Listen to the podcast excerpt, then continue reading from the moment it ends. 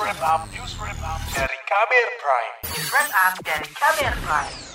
Pemerintah memastikan sirkuit Mandalika Lombok Nusa Tenggara Barat siap menjadi tempat balap motor MotoGP 2022 pada 18 hingga 20 Maret mendatang.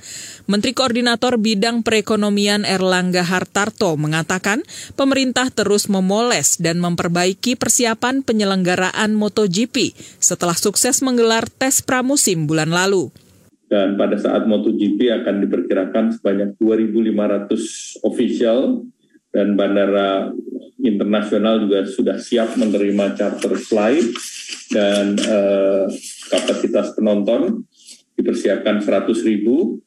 Dan juga eh, Inmendagri telah siapkan untuk pencegahan dan penangguhan eh, penanggulangan COVID dalam penyelenggaraan MotoGP Airlangga memastikan siklus kasus COVID-19 di Nusa Tenggara Barat sudah menurun dan capaian vaksinasi sudah tinggi.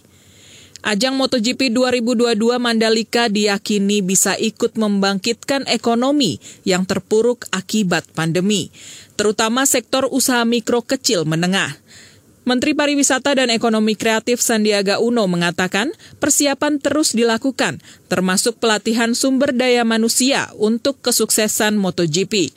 Ia mengatakan Presiden Joko Widodo sudah berpesan agar ajang MotoGP berjalan baik tanpa kesalahan. Kita punya 65 hari lagi dan PR kita sangat-sangat uh, berat karena selain pembangunan infrastruktur juga harus kita siapkan uh, kreatif, produk-produk UMKM, dan juga bagaimana kita bisa memberikan sinyal bahwa ini kebangkitan ekonomi kita, salah satunya dimulai di Mandalika MotoGP. Kementerian Koperasi dan UKM bersama pemerintah Provinsi Nusa Tenggara Barat sejauh ini telah memfasilitasi lebih dari seribu pelaku usaha mikro kecil menengah supaya bisa berpartisipasi memeriahkan MotoGP.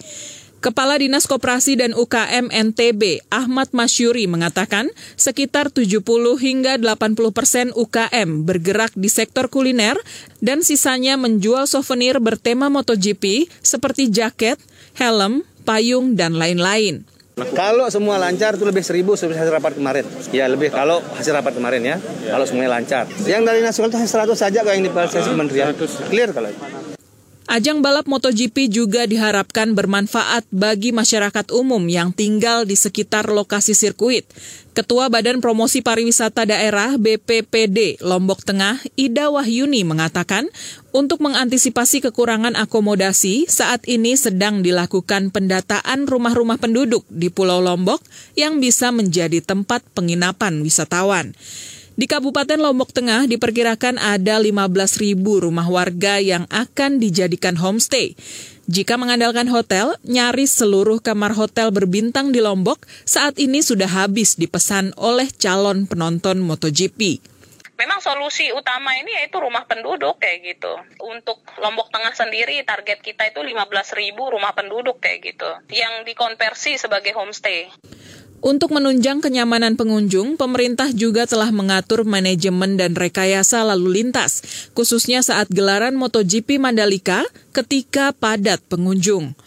Direktur Jenderal Perhubungan Darat di Kementerian Perhubungan, Budi Setiadi, mengatakan ada lebih dari 270 unit bus yang akan disediakan untuk melayani penonton MotoGP dari simpul-simpul utama transportasi di Pulau Lombok. Ada juga tambahan ratusan unit bus ukuran sedang yang fungsinya sebagai shuttle atau kendaraan ulang-alik. Yang pertama adalah sekitar 278 unit bus bantuan Kementerian Perhubungan dan ini adalah untuk angkutan antar modanya. Jadi antar moda ini adalah untuk mengangkut para penonton dari beberapa simpul transportasi. Kalau melihat pengalaman yang kemarin pada saat ada kegiatan yang di awal, paling banyak pergerakan atau kemudian simpul transportasi yang dilayani dan bangkitannya paling banyak adalah dari pusat kota Mataram.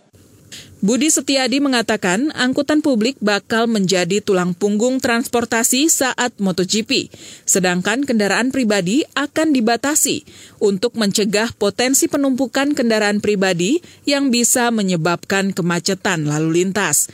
Demikian laporan khas KBR, saya Astri Yuwanasari. Kamu baru saja mendengarkan news wrap up dari Kabel Prime. Dengarkan terus kbrprime.id, podcast for curious mind.